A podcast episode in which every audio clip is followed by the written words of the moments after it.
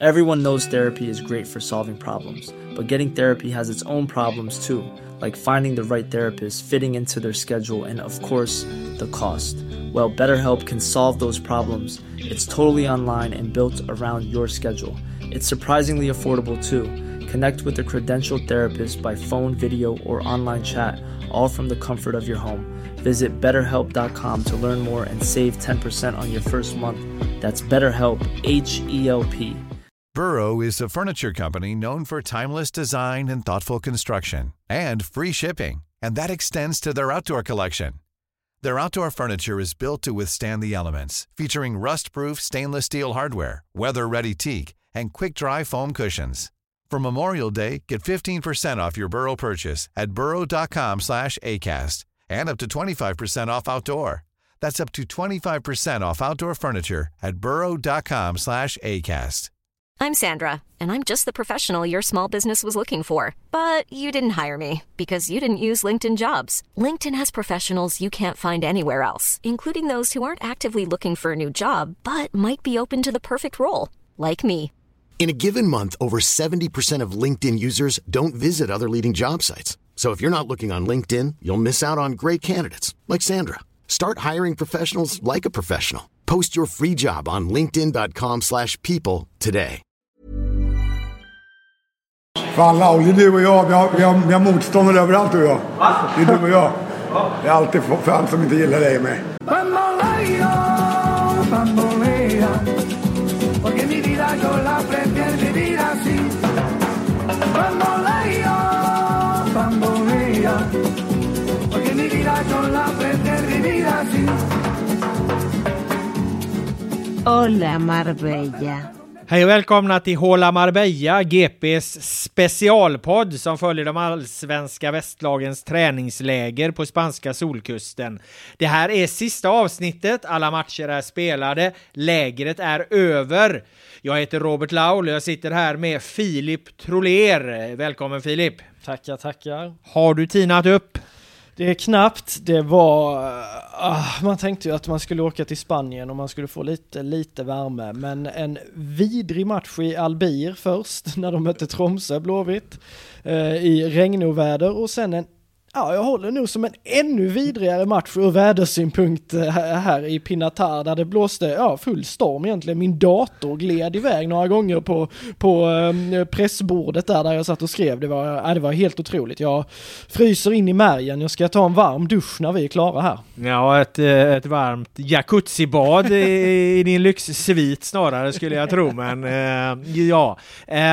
Innan du lägger dig i badkaret så ska vi summera och sammanfatta sammanfatta eh, de fyra lagens läger och vi kommer ju då som sagt från IFK Göteborgs eh, 3-0 förlust mot den danska ligatvåan eh, Viborg. En insats eh, som de flesta tycker var ganska eller till och med riktigt svag av IFK Göteborg. Men eh, så sa inte Mikael Stare efteråt. Lyssna här. Dagens match. Ja, men jag tycker att vi, har- vi har ju vår bästa tennismatch i år. Eh, gör vi, såklart. Så att vi gör den bästa matchen. Det går inte att jämföra med de andra motståndarna. Vi möter liksom ett lag som, som är på en helt annan nivå jämfört med de lagen vi mött tidigare. Eh, liksom, eh, Tromsö, Halmstad, Degerfors, all respekt till dem. Men det här är ett lag som är mycket, mycket bättre. Jag tror att de förlorade i augusti senast tror jag, mot West Ham i något Europa, Europa, Europaspel. Så det är ett lag som har gått som tåget. Så de spelar med stort självförtroende, tydlig idé. Eh, skriver rejäla, duktiga spel individuellt. Så att vi liksom, jag tycker att vi liksom håller upp. Ja Filip, eh, det var du som gjorde den här intervjun med Stare. Vad, vad, vad tänkte du när han liksom lyfte fram det här som Blåvitts solklart bästa match hittills? Eh, Jag vet inte om man noterar det där på ljudfilen, men jag till och med skrattar till lite. Det är, det är fotbollskanalen som ställer den första frågan där, så, och så, jag tror faktiskt först att han skämtar liksom. För, eh, nej, absolut, Viborg, jätteduktigt lag, och det sa jag många gånger också, och skrev i vår live-rapportering sådär att de imponerade otroligt mycket. Fint bolltempo, många skickliga offensiva spelare, men att Stare kliver ut där och säger, alltså med sån tryck i det också liksom att, ja men det här är sol, alltså det är ju inget att diskutera, det här var vår bästa match, jag fattar inte vad han menar. De hade inte ett enda skott på mål eh, och återigen, hur bra Viborg än är, har man inte ett enda skott på mål och man faktiskt, eh, ja men stora delar av matchen är helt utspelade, Eh, då tycker jag kanske inte att man kan vara så nöjd. Men han förklarar ju lite hur han resonerade sen vidare att ja men det var att de fick svar eh, på, på ett annat sätt mot den här typen av motstånd än vad man har fått mot Tromsö, Degerfors, Degerfors och, och Halmstad som inte är, är lika liksom starka motståndare. Mm. Men då handlar det egentligen inte så mycket om IFKs insats då utan mer om att de, de bara mötte ett eh, eh bra lag liksom. Och det är egentligen en helt annan sak. Jag tänker lite att han kanske också gör det här för att eh, ehm, ja men kliva fram som en ledare helt enkelt, skydda sina spelare för att alltså oavsett vad som händer efter den här 3-0 förlusten Antingen eh, så kommer diskussionen handla om, om vilka bedrövligt dåliga insatser spelarna eh, gjorde, som många tycker då. Eh, det kommer skrivas om det i tidningarna, vad kritik mot, mot spelare, eh, individuella prestationer. Det diskuteras på forum och sociala medier bland supportrar och allt så här, dåliga insatser. Eh, när Stare gör det här, då, då liksom men så försvinner ju hela den där diskussionen egentligen och allt handlar bara liksom om vilken, eh, vad fan, eh, vad har Stare sagt liksom? Tobias Hysén var väl till exempel ute här liksom och bara hur fan kan Stare säga så här? Du sitter här liksom, hur fan kan Stare säga så här? Så helt plötsligt handlar allting liksom om, om Stare egentligen och då gör han ju egentligen bara som en ledare ska göra. Han kliver fram och skyddar sina spelare. Ja, så sett är det ju ett smart drag och det är väl, alltså Stare är ju en clever man verkligen och känns som att han ofta tänker igenom sina drag och det är mycket möjligt att han, att han, att han gjorde så denna gången också. Men någonstans så kändes det också som att han verkligen menade det här, att det inte bara var något spel för galleriet. Och han måste ju då mena att de gör saker i spelet då och vad de sakerna är, det är man ju, fick man inte riktigt svar på, men Marcus Berg var väl lite inne på det, även om han inte höll med Star om att det här var någon, eh, liksom den bästa prestationen hittills, så lyfte han ju exempelvis att det, det pressspelet när de går tillsammans och sådär, att det var en detalj som man kunde ta med sig härifrån. Och det kanske är att Stare så att de klarade av att göra vissa saker, men det var inte så jävla många saker av dem som syntes, tycker inte jag i alla fall. Eh, så ja, lite, lite märkligt utspel hur man än vänder och vrider på det. Det, det tycker jag definitivt att det är. Mm. Eh, en annan grej jag tänker att han kanske vill någonstans eh, eh, undvika det är att det ska bli en eh, en eh, dålig eftersmak på det här lägret. För jag tror ändå någonstans att IFK Göteborg är ganska nöjda med det här lägret. Jag tror att de, de, de har liksom... Eh, de, de, eh, fick en del svar i sin förra match. De har haft bra träningar. De har liksom efter det här flygstrulet och så som var i början och däck som exploderade på bussen och allt vad fan det var så liksom så, så har det här lägret flyttit på ganska bra. Eh, de har fått tillbaka en del skadade spelare. De har kunnat eh, träna mycket. De har kunnat börja sätta en startelva inför cup cupen. Eh, och nu får de alltså en riktig vä vä värdemätare, alltså en tuff jävla match liksom där, där de får, det blir lite väckarklocka eh, eh, för dem. Eh, de, de, de, de, de liksom, det visualiseras för dem eh, vilka nivåer de måste upp till om, om de ska bli riktigt bra i år. Så att jag tror att som helhet så kan nog Stare och IFK vara, vara ganska nöjda med det här lägret och då kanske inte han vill att allting bara ska handla om vilken jävla platt match de gjorde liksom på slutet här. För att jag menar, rätta mig om jag har fel, men lägret har väl ändå varit ganska bra för IFK Göteborg. Ja, det, det, tycker jag och jag tycker att det är väl en intressant reflektion också, eh, tänker jag. För det blir ju gärna att det är det senaste folk kommer ihåg liksom och de ska flyga hem imorgon och det, det är den här matchen som, som stänger det här lägret för deras del och det är klart att hade allt fokus hamnat, hamnat på, på den, vilket det väl ändå delvis kommer bli, men eh, ännu mer fokus på det, då, då eh, blir det liksom ett tugg om det som kan spilla över och, och sätta sig i, i liksom tongångar och huvudet och hela liksom auran runt, eh, runt Blåvitt och det nya Blåvitt här, att oj, de har inte kommit längre än så liksom vilken jävla, vilken jävla krasch det här var. Eh, så summa summarum, absolut, om man bortser från prestationen i den här matchen som, som där de inte räcker till helt enkelt så är, tror jag det finns mycket de är nöjda med. Det är spelare som har, har tagit för sig och det är, är mot Tromsö tycker jag det egna anfallsspelet så väldigt bra ut även om Tromsö inte hade det bästa pressspelet sådär så tycker jag de luckrade upp dem på ett jäkla bra sätt och, och var ganska snabba och skarpa i offensiven där så Eh, ja, och flera av de här skadade spelarna, även om det har varit många borta här så är de fortfarande att de är på väg i rätt riktning och att det finns ganska mycket hopp om allihopa där. Så, eh, och de verkar vara ganska nöjda med så här planer och stället de har varit på och så. Eh, så ja, de är nog ganska nöjda med det här läget trots allt. Mm. Om du får lyfta ut några enskilda spelare som du tycker liksom har på något vis har klivit fram under det här lägret eller, eller gjort eh, prestationer som, som är värda att, att nämna? Vilka, vilka enskilda spelare skulle du lyfta då? Ja, jag skulle ändå börja med att lyfta Hussein Kanel för jag tycker att han eh, han var ju pigg redan i träningsmatcherna på, på, på hemmaplan mot HBK och Degerfors men jag tycker också att han har varit eh, Eh, ja, men väldigt kreativ och flyttat lite mellan tia ytter, gjort det bra i båda rollerna, kanske fått ut eh, lite mer, inte mot Tromsö, då tyckte jag han var bättre som tia än som ytter. Idag tycker jag han gör, alltså han är ju den enda det händer någonting runt egentligen i den första halvleken när han eh, men man märker på honom att han vill ta tag i det. Jag tycker han har växt, uh, bara de här månaderna tycker jag också han har växt liksom som en ledare och när jag pratar med honom lite om den här yngre generationen och sådär så, så pratar han också på ett sätt som att han är mer av en ledare nu. Han, jag vill visa vägen för de här killarna, mina gamla kompisar som kommer upp här nu och jag vill hjälpa dem och Alltså han är så trygg med vad han är i sin egen utveckling att han börjar se de perspektiven också. Och det tycker jag är intressant för han är ju fortfarande en jävla ung kille liksom. Men han ser ännu vassare och ännu skarpare ut. Så han hade jag ju, han hade jag ju absolut velat, eh, velat lyfta och tycker jag förtjänar att ska lyftas. Sen är också Johannes Selvén som för mig var ett helt oskrivet blad egentligen när vi åker iväg på det här lägret. Även om han hade gjort några minuter i, i, i de här träningsmatcherna som var innan så har ju han visat kvaliteter som jag inte trodde liksom att han hade så mycket i sig. Han är ju faktiskt också en av dem som eh, gör det okej okay här mot, mot Viborg och har några riktigt fina nummer. Snabb i fötterna, bra tryck i, i benen, bra tryck liksom när han löper med boll. Han och Kanel tror jag de verkar också ha en fin kemi så jag har blivit jäkligt taggad på att se mer av Johannes Selvén, det måste jag säga. Men det är väl de två kanske så som eh, liksom utbrett över lägret har, som, som jag vill eh, lyfta lite grann. Mm, jag lägger jag till en tredje då. Jag har inte följt IFK Göteborg lika länge eh, under det här lägret som, som du har gjort eftersom jag kom in de sista dagarna här. Men jag tycker att eh, Adam Kalén förtjänar eh, att, eh, att eh, lyftas också. Nu såg jag inte matchen mot Tromsö men jag förstod att han gjorde det helt okej okay då. Eh, mot Viborg Viborg så kommer han in och eh, eh spelar andra halvlek då. Eh, Sebastian Hausner spelar ju den första och medan eh, Hausner då eh, har väldigt mycket kvar att bevisa fortfarande så, så tycker jag att eh, Adam Kalén kom in där och, och både liksom i, i, i duellspelet, i positionsspelet och, och, i passningsspelet liksom var, var, var ett nummer större än Hausner. Det kan ju bero på att de befinner sig i olika eh, skeden så att säga att, att Hausner är på väg tillbaka från skada rädda och det här liksom.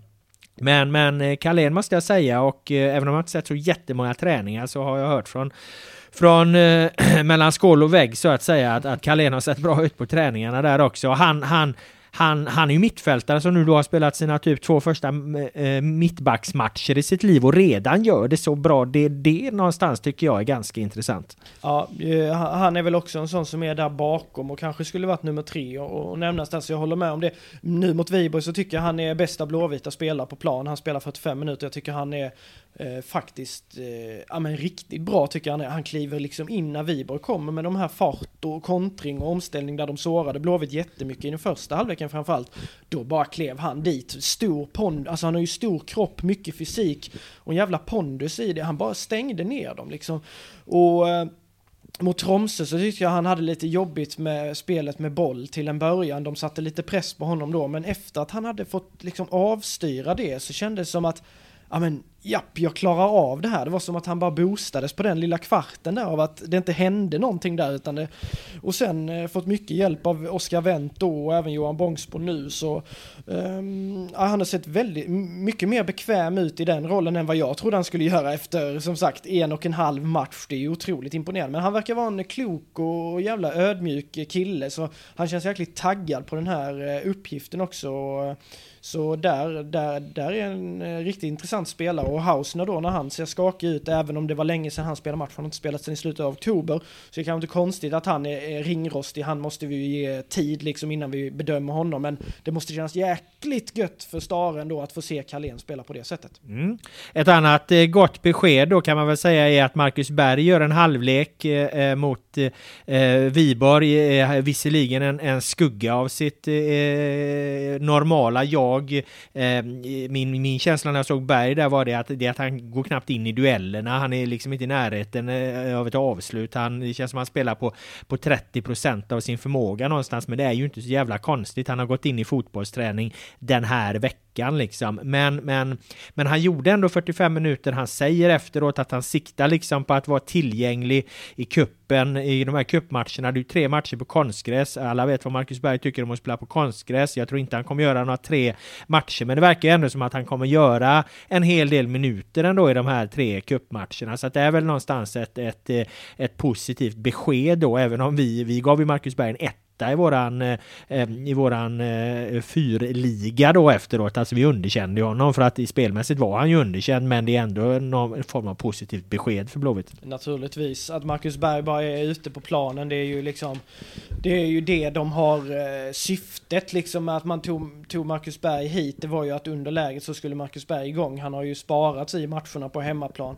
Eh, och det vore, även om Marcus Berg är en eh, fantastisk fotbollsspelare så vore det till att ha lite för höga krav tror jag att han skulle kliva in här och, och liksom dominera eller sätta några, kunna sätta några riktiga avtryck efter att han har bara kört i princip då på egen hand och deltagit delvis i, i de kollektiva fotbollspassen och så vidare. Så, så helt klart är det ju så att det är ett positivt besked. Sen insatsen som så, jag håller med, han kändes inte som att han riktigt gick för fullt, men jag tror kanske inte det handlar om att han inte ville gå in i duellerna, utan lite om timing och sådär, att han, han är inte där helt enkelt. Det, det, det, det tar tid liksom, även för, för en så rutinerad räv, att, att komma i synk med, med övriga och i synk med sig själv, hur, hur man agerar på match.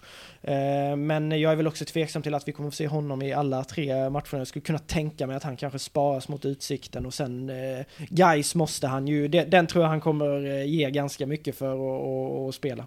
Mm, det, det, tycker jag man har hört mellan raderna också. Eh, ett bekymmer då om vi ska stänga eh, Blåvitt-diskussionen, bara ta upp en grej eh, som jag tänker på som kanske är ett litet problem där. Du nämner ju Kanei där, jag håller helt med. Han har varit en av de, eh, de positiva utropstecknen den här försäsongen för IFK Göteborg också på det här lägret. Han, han, eh, han är ju verkligen den som går in och tar ansvar med boll så att säga mot eh, Viborg, för i den matchen har de ju stora problem att hålla i bollen på, på eh, eh Eh, offensiv planhalva framförallt. Det gör ju han väldigt bra. Sen kan jag önska att man ska få honom lite närmre mål och så här. Nu blir det mycket, mycket liksom att han, han gör sina bra aktioner, men han gör dem ganska långt ifrån mål och han kanske vänder om lite för mycket och så här. Men, men eh, positivt utropstecken absolut. Men hela den här liksom eh, formationskonstellationen där jag tycker att Kanai ändå fungerar bättre när han kommer ut på en kant. Han är inte riktigt mogen att vara där inne som nummer 10. Det var det, men å andra sidan så lyckades ju inte Simon Tern heller så jättebra där.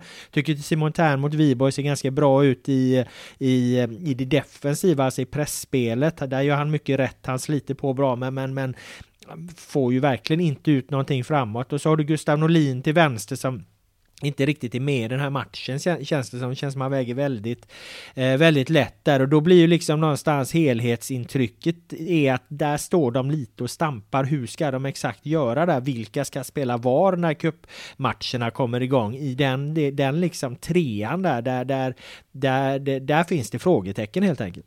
Ja, absolut. Det är Ja, det har inte riktigt liksom fått något så här, men jag tycker, jag är ju mer positivt inställd till Kanel som tian vad du är. Det, det, det är vi ju liksom, så, så långt har vi kommit, men jag håller väl med om att summa summarum hittills så har han eh, fått ut, om vi bara slår ut över alla de här fyra matcherna, så har han fått ut mer när han har spelat på kanten.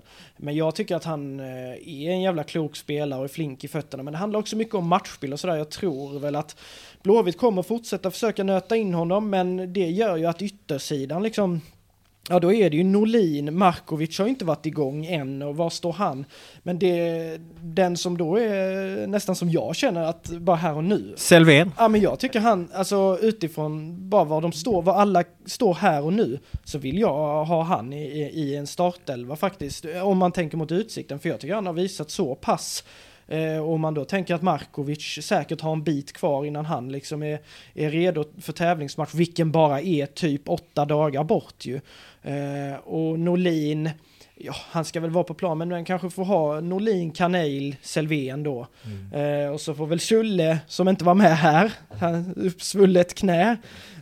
Man blir orolig direkt för, för Blåvitts del här när, när han liksom var tillbaka en liten stund och sen så är han borta, saknas, saknas i den här matchen. Eller Berg då spelar längst upp. Annars får man väl köra Norlin längst upp, eh, som jag tycker ändå är ett ganska okej okay alternativ där. Mm, Johannes Selvén, eh, jag vet inte om du nämnde det där, men han, när han kommer in mot Viborg så är det ju en ganska otacksam uppgift. Han kommer alltså in som, som han ersätter Marcus Berg och kommer in som, som eh, anfallsspets liksom. Mm. Han väger ju väldigt lätt där det är tufft motstånd. Han, han är ju inte någon stor pjäs liksom, utan han kanske i det här skedet av karriären är bättre på en kant och så. Men han får komma in, in centralt där, så det är, det är en tuff uppgift. Men ändå gjorde han ju en hel del bra grejer. Ja, absolut. Och det, eh, han har ju det där driv och sen också då Kanel och han. Det tyckte jag syntes tydligt mot Tromsö. De känner varandra och de har den där kemin. Och det kan ju vara ganska viktigt här i början när det är ganska många pusselbitar som har varit ut och in ur laget och som har vilat och hej och hå. De två känner varandra eh, och, och, funkar bra tillsammans. Och då, då, får man mycket speed, mycket snabba fötter på dem. Så ja, jag tycker som sagt att de för mig är de här och nu. Eh, ska, ska båda de vara i elvan och då hade jag valt att ha Kanel centralt och Selvén till höger och så då kanske Markovic, Norlin eller, eller vem det blir till vänster. Den absolut sista frågan om IFK Göteborg då innan vi går över på BK Häcken. Vem spelar du som mittback mot Utsikten på måndag den 20 februari? Eh, bredvid Johan Bångsbo spelar du Sebastian Hausner eller Adam Kalén? Alltså jag tänker att de på sikt vill de väl få ihop Hausner och Bångsbo. Men... Eh, ja du, den är svår. jag hade nog fan tagit Kalén alltså. Mm. Jag hade nog fan gjort det alltså. För jag tycker han så, så, ser så pass bra ut. Och vad fan, det är ju tävlingsmatch. Det ska ju egentligen vara vem, vem är framme där och, och bäst för stunden. Och om inte Hausner gör någon jävla superträningsvecka liksom och verkligen kommer in i det så tycker jag att Carlén är ett bättre alternativ här och nu. Så ja, svaret får ju bli Carlén. Mm. Får vi se om det blir så. Vi ska gå över till BK Häcken som sagt, eh, eh, som jag tror definitivt är nöjda med sitt eh, eh, träningsläge som helhet, med allt förutom då vädret i och med att de fick sin, eh, egentligen sin bästa match då. De skulle ju möta Molde. Den fick de ju eh, eh ställa in, eller den blev helt avblåst. Den regnade ju bort. Ehm, de hade ju tre matcher planerade då, så att det drabbade dem inte riktigt så hårt. De kunde ju spela eh, eh, två då av de här matcherna mot norska Odd och mot danska AGF eh, Århus. Odd har vi talat om tidigare en hel del. Eh, AGF Århus mötte ju Häcken då i fredags och de vann den matchen med eh, 3-1 innan de eh, åkte tillbaka till Sverige igen och eh, gjorde det på ett, eh, ett väldigt övertygande eh, sätt. Jag hade hunnit lämna Marbella och, och var ju här i Torrevieja då så att jag såg inte den live men jag har plockat upp en hel del från den. Eh, det är en av, vad ska man säga, en, en, en avstannande 3-1 seger någonstans. Hade, hade de blåst på så, så hade de ju eh, kunnat eh, eh, vinna med större siffror. Det är också intressant att i den här matchen så spelar de ju alltså med en startelva som är 10 elftedelar av den startelvan som besegrade IFK Göteborg med 4-0 på Gamla Ullevi i den här guldmatchen. Det är alltså bara, eh, det är alltså bara Thomas Tottland är med i, mot AGF Århus nu. Han spelade inte mot Blåvitt i guldmatchen utan då var det Valgeir Fridriksson. Eh, I övrigt är det ju, är det ju alltså hela den elvan som spelar hem guldet.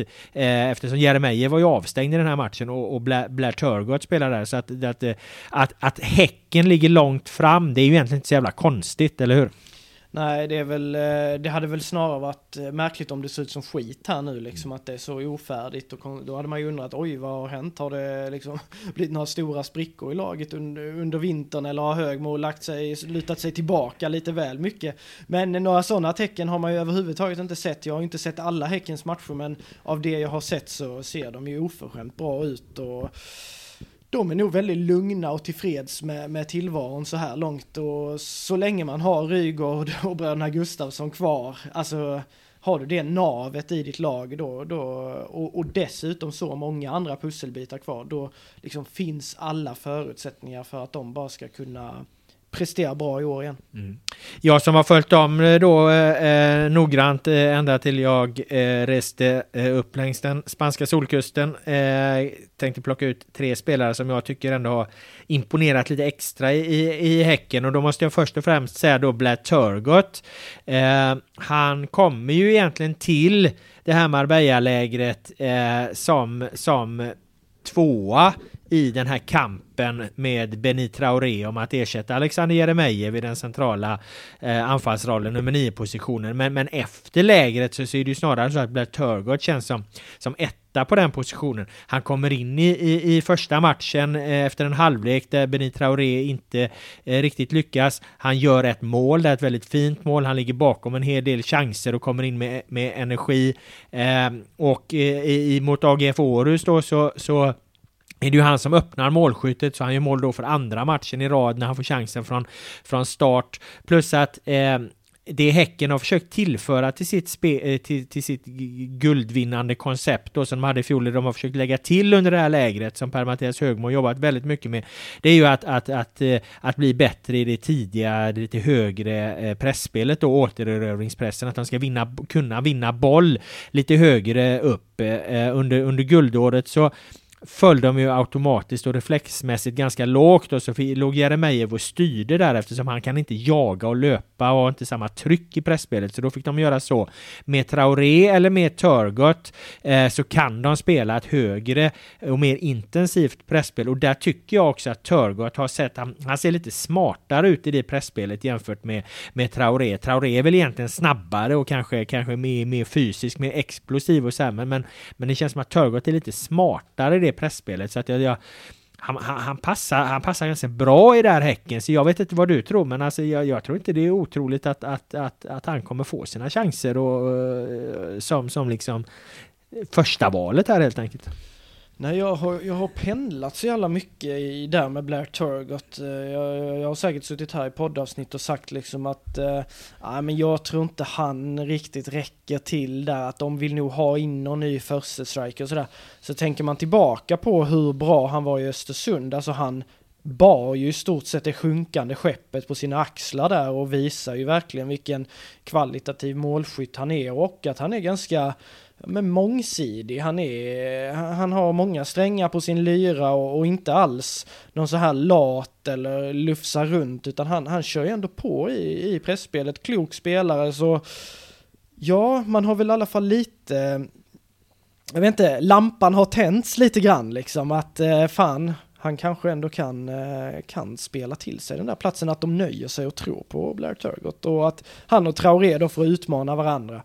Eh, så ja, så kan det I, bli. I alla fall fram till sommaren. Ja, och skulle det precis. inte funka så, så, så kanske de gör något då. Men, men jag undrar om de, de kanske inte Eh, gör det. En eh, annan spelare som har imponerat eh, i Häcken under det här läget skulle jag säga är Simon Gustafsson. Eh, den här känslan man hade i fjol, han spelade ju liksom en halvt bruten tå och han kom in liksom och, eh, eh, från ett eh, annat lag och fick inte den eh, bygga upp sig så, så, som han gör genom en riktig försäsong. Så känslan har ju varit att han kommer att ha en växel till och det ser verkligen ut som att han, han också kommer ha den här växeln ytterligare då. Han har, han har liksom redan egentligen börjat agera på på, en, på en lite högre nivå. Och sen har ju Högmo då satt eh, ett visst tryck på han. Eh, jag gjorde ju en podd med Högmo och det var ju, där var han väldigt tydlig Högmo att, att eh, Simon Gustafsson han ska göra han ska göra tio mål i år så nu har jag gett honom straffsparkarna så att eh, ehm, de vill ju se fler poäng och att han ska kanske bli lite mer egoistisk i sitt spel och gå lite mer för avsluten. Också då för att det är liksom, du förlorar ju trots allt 22 mål med Jeremejeff så de behöver ju ha fram andra målskyttar också. Det är väl alldeles utmärkt att få igång eh, Simon Gustafsson. Blir du förvånad där när, när, när du såg att Högmo, när han gör ett så tydligt utspel att han ska göra 10 mål i tävlingsmatchen och jag ger honom straffsparkarna så han får lite liksom eh, hjälp på traven där? Hade det varit någon annan tränare eller många andra av de andra tränarna så hade jag blivit lite förvånad. Men per, per Mattias Högman så blir jag faktiskt inte förvånad.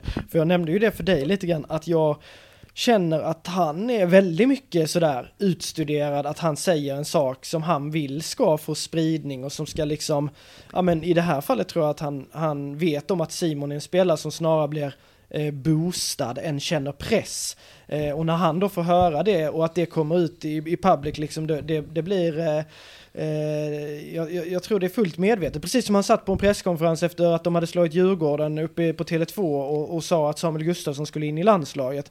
Det tror jag också var, han hade verkligen tänkt igenom det där, att han ska säga det, han vill att det ska bli lite tugg om det. Mm. Och jag förstår dem också för om man tänker på Simon Gustafsson så var han, han kämpar ju på och var jättebra i höstas också. Men den gamla Simon Gustafsson, den allra bästa versionen av Simon Gustafsson som vi har sett, det är ju den lite mer offensiva Simon Gustafsson som kunde avgöra matcher och gjorde ju i en period liksom hyfsat mycket mål för att, för att vara en mittfältare i, i, den, i den rollen. Så jag tror, eh, och som du säger, Jeremejeff, ingen kommer kunna göra lika mycket mål i år. De måste sprida det och då är Simon Gustafsson helt klart en av spelarna som måste ta det ansvaret. Men nej, inte alls förvånad faktiskt att Högmo, att Högmo säger så som han gör. Mm. Eh, tredje och sista spelaren man kan lyfta i Häcken det här lägret, det skulle jag vilja säga är Lars Olden Larsen. Eh, han, han, eh, han gick ju någonstans lite Eh, alltså han, han känns ju inte som att han var någon bärande pjäs i det här guldlaget och det var han väl egentligen inte men han var ju jävligt bra i några av de absolut sista matcherna och han tog ju någon form av ordinarie plats egentligen på, på vänsterkanten under de absolut sista matcherna på, på guldåret. Och eh, som jag förstår eh, Högmo hur han bygger eh, laget 2023 så är det inget snack om att, att det är liksom Lars-Olle Larsen som ska ligga till, till vänster i det här eh, eh, Häckenlaget i alla fall fram till Tobias Sana och, och Ali Josef möjligen är tillbaka. Men, men, men det känns som att Högmo tror jävligt mycket på La Lars Olden Larsen, att han har ännu mer i sig, att han är lite liksom Lex Simon Gustafsson, att det finns ett par nivåer till där. och, och Eh, utifrån träningarna, kanske inte så mycket i match än så länge har inte jag sett det i alla fall, men utifrån träningarna så känns det som att Högmo har nog sett någon, det, det stämmer nog att, att Högmo har sett någonting där, för att eh, jag, jag, jag, tror nog att, att eh, han kan få ut en, en eh, hel del. Sen är jag lite osäker på exakt hur mycket och hur bra, bra han, han verkligen kommer att bli, men någonting finns det där som, som gör att det finns anledning att lyfta honom här. Ja, han, han tog steget från att vara någon slags lite så här eh, joker som hoppar in lite då och då till faktiskt att bli en viktig spelare i den sista guldruschen. Han är väl också den som gör det målet där mot Djurgården, 1-0 målet har jag för mig på i den som vi ändå på många sätt kan ta liksom som den avgörande matchen i guldstriden, eller en väldigt viktig match i guldstriden i alla fall. Ja, och Malmö FF hemma där i den här matchen, det gör han väl också det första målet tror jag. Ja, det gör att, han nog. Ja, ja, så, så att han, han, har några insatser där ja. på slutet som, som man liksom inte riktigt tänker på. Nej, och jag trodde väl att när jag hörde det där om att han var, du vet, han kom på något lån där först och så, så då då tänkte jag att ah, men det där är bara klassisk så här, utfyllnadsspelare, typ som de ska använda lite i, i behov. Han kommer väl vara i truppen liksom, men inte göra några större, större insatser. Sen hade han ju lite problem med skador och så ska vi också säga och det, det var säkert en delförklaring till att han inte kom mer eh, med i det förrän så sent. Så där finns väl lite sparkapital då och, och eh, nu med Sana och Josef har ju en lång eh, liksom frånvaro och, och Sana är väl fortfarande borta. Eh, så är det klart att eh, nu, nu får han ju lite sin chans här faktiskt. Eh, apropå sådär ytter eh, så är jag ju Oskar Uddenäs så har han varit på lägret. Mm. Han, hade ju, han var ju väldigt kall under hösten. Ja, och eh, tyvärr så blev ju lägret inget vidare för honom heller. Han fick ju liksom chansen från, från start i den eh, första av Häckens matcher eh, eftersom det var ju då Ibrahim Sadiq hade varit i Frankrike och snurrat så att då, då, då spelade inte han från start så då fick Oskar Ruddenäs chansen eh, från start utan att han, han kanske egentligen hade sett så himla imponerad ut i, i, i träning. Eh, men så, så, så, gör han ju, så går han ju sönder lite grann då eller han får en känning i, i eh, framsida lår. Det framsida lår tror jag faktiskt att okay. det var. Alltså ingen lårkaka utan med, med något liksom eh, något eventuellt som kunde gå där liksom. Så att han fick ju, han fick ju mm, eh, eh, vi, eh, vila egentligen och, och, och rehabba mer eller mindre större delen av, av lägret där. Så att eh, han fick ju en liten chans där i och med att eh, det blev som det blev kring Sadik. Men, men då fick han en, en liten skada istället så att eh, ah, alla minns ju hur, hur jävla fin eh, Oskar Uddenäs var i början av eh, förra året. Men, men utifrån hur det här fotbollsåret har börjat så har det tyvärr inte börjat så himla bra för honom då. Nej, då, då förstår jag, för jag har tänkt lite nu när man, när man har varit här i, i, i, min roll då så, så blir det att man blir lite isolerad, så man fokar på sitt lag liksom. Men jag har ju ändå liksom hängt med lite i, i rapporteringen såklart från, från Häcken och även hemifrån kring de andra lagen där. Men Uddenäs, jag har liksom tänkt vad, vad fan händer med honom liksom? Så här. Nej, han gick sönder det första han Ja, gjorde. då förklarar Typ. det ju ett och annat. Ja, men det är ju jävla tråkigt alltså för eh, den höjden han hade i sig förra våren. Det var, det var en väldigt rolig spelare att titta på tyckte jag då. Men han var ju inte alls bra i höstas, så det är ju lite... Ja, han... Eh, lite halvjobbig sits för honom också just när de då har Sadik och Olden Larsen som då har haft en annan typ av kurva. Eh, det är ju inte, det är ju inte kört för Oskar Uddenäs. Vad fan. är grabben? Nej, nej, nej, 20, herregud. 20-21 år så att eh, det, det finns la tid att komma tillbaka. Men, men eh, eh, just den här säsongen har väl då inte, inte börjat eh, eh, så himla bra. Det har den däremot gjort då för BK Häcken som, som vi har pratat om nu. Vi ska gå över till BK Häcken FF. Eh, och där skulle jag vilja lyfta fram eh, också ett par spelare då, eller ett par, par intressanta reflektioner som jag gjorde under tiden. Eh, de var ju på samma ställe då som, som eh, herrlaget, herrarna och damerna såklart, bo, bor ju tillsammans där, alla 83 som de ju var när de eh, var ute och käkade med avskedsmiddag. Eh, eh, även damerna fick ju en match bortregnad då, så de spelar bara en match. Men en eh, spelare som har imponerat, eh, som imponerade under det här lägret skulle jag säga är Alexandra Larsson. 16 år, eh, värvades ju från IFK Göteborg då. Eh, blir ju inte det så jättestor sak på, på, på damsidan, men det är ju ändå en, en eh, eh, lite intressant ändå. Hon är alltså bara 16 år, eh, rejäl, tuff, fysisk, stark spelare, sittande mittfältare. Eh, enligt, eh, enligt eh, både Robert Wilhelm, tränare och fotbollsansvarig Christian Lundström, eh, definitivt redo att kliva in till och med allsvenskan redan och då är hon alltså bara eh, eh 16 år och är, är alltså liksom, det, det är liksom ingen sån här dribbler som, som eh, eh kan charma och blända fotbollspubliken utan det här är en riktigt rejäl fotboll fotbollsspelare. Jag tror hon kommer bli riktigt bra, eh, Alexandra Larsson.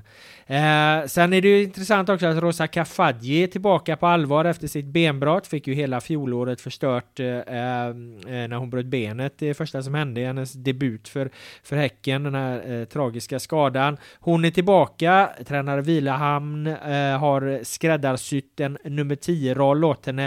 Eh, Strax bakom då Anna Anvegård som ligger i, i nia positionen för att eh, de två har tydligen en ganska fin kemi ihop och, och, och eh, jag har inte, inte hunnit studera det själv så himla mycket men eh, Robert Wilhelm, tränaren, har pratat en, en hel del om det. Det ska bli intressant att se hur de två fungerar ihop då och sen eh, det sista jag ska säga om BK Häcken FF det är att de, de har en otrolig konkurrens i den eh, backlinjen. Eh, för nu kommer ju vänsterbacken Anna Sandberg kom med i landslaget. Hanna Wik som är högerback på andra eh, sidan är ju på, på, liksom på, på gränsen eh, till landslaget. Du har mittback eh, Josefin Rybrink, eh, Ivy Luik och Elma Juntila Nelhage. Men om, om ni hängde med där så är det ju fem personer, de var fyra i den backlinjen. Vem som ska petas av, av eh, en av de här fem måste ju, måste ju bort liksom. Får inte in alla i, i den backlinjen. Men det skulle jag säga, Filip Trolén, det är fotbolls Göteborgs svåraste fråga att lösa och den har Robert Wieland på sitt bord.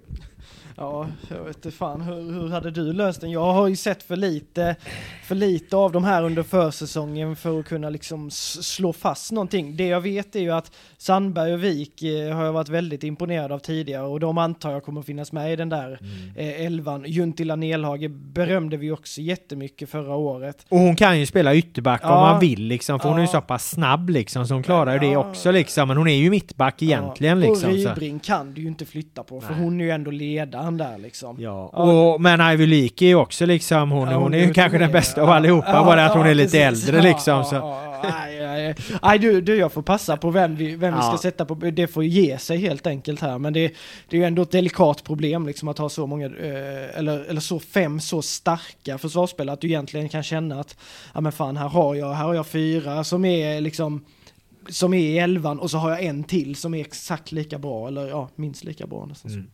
Mm. Eh, sen fick ju Häcken då, som jag nämnde där, eh, sin andra match eh, regnade ju bort, men och nu åker ju alla liksom, nu är det väldigt många som åker iväg på landslagsläger. Samtidigt så, så har jag funderat lite på det, jag tror inte det gör så jättemycket ändå. Eh, det är nytt nu att det blir gruppspel i Svenska Kuppen på, på, på damsidan. Häcken är ändå förhållandevis överlägsna där. Eh, eh nu har de, vad, vad har de liksom, Växjö och, och, och, och Vittsjö och Örebro i, i sin kuppgrupp. Eh, att de använder kuppgruppspelet till liksom att spela sig i matchform. Det tror jag kommer passa dem alldeles utmärkt just för att de är på en så förhållandevis hög nivå. Då gör det inte så mycket att, att, att, att en match regnar bort, att de inte kan sätta allting för de kan använda de här kuppmatcherna just till att sätta allting inför allsvenskan. Ja, precis. Och det är ju ändå det, även om vi har varit inne på det tidigare, damallsvenskan, det har blivit lite mer konkurrenskraftigt. Man kan inte riktigt dansa sig förbi matcher på samma sätt. Så är det ju ändå, i, i den gruppen ska ju Häcken kunna ta sig ur, även om man laborerar lite, även om det skulle saknas en del spelare och sådär, så har de ju liksom så, så, stark styrka så att det ska inte vara några problem för dem att, att vinna den gruppen ändå. Om man då jämför med kanske på här sidan och Blåvitt är väl ett jättebra exempel där, liksom att de kommer ju inte kunna gå in i en grupp med, med Utsikten och Gais som kommer ge, gå in i döden för att slå dem. Och så ett Norrköping som ändå, ja, de gjorde ju ingen bra säsong i fjol och är väl också ett jävla osäkert kort, men som ändå har kvalitet.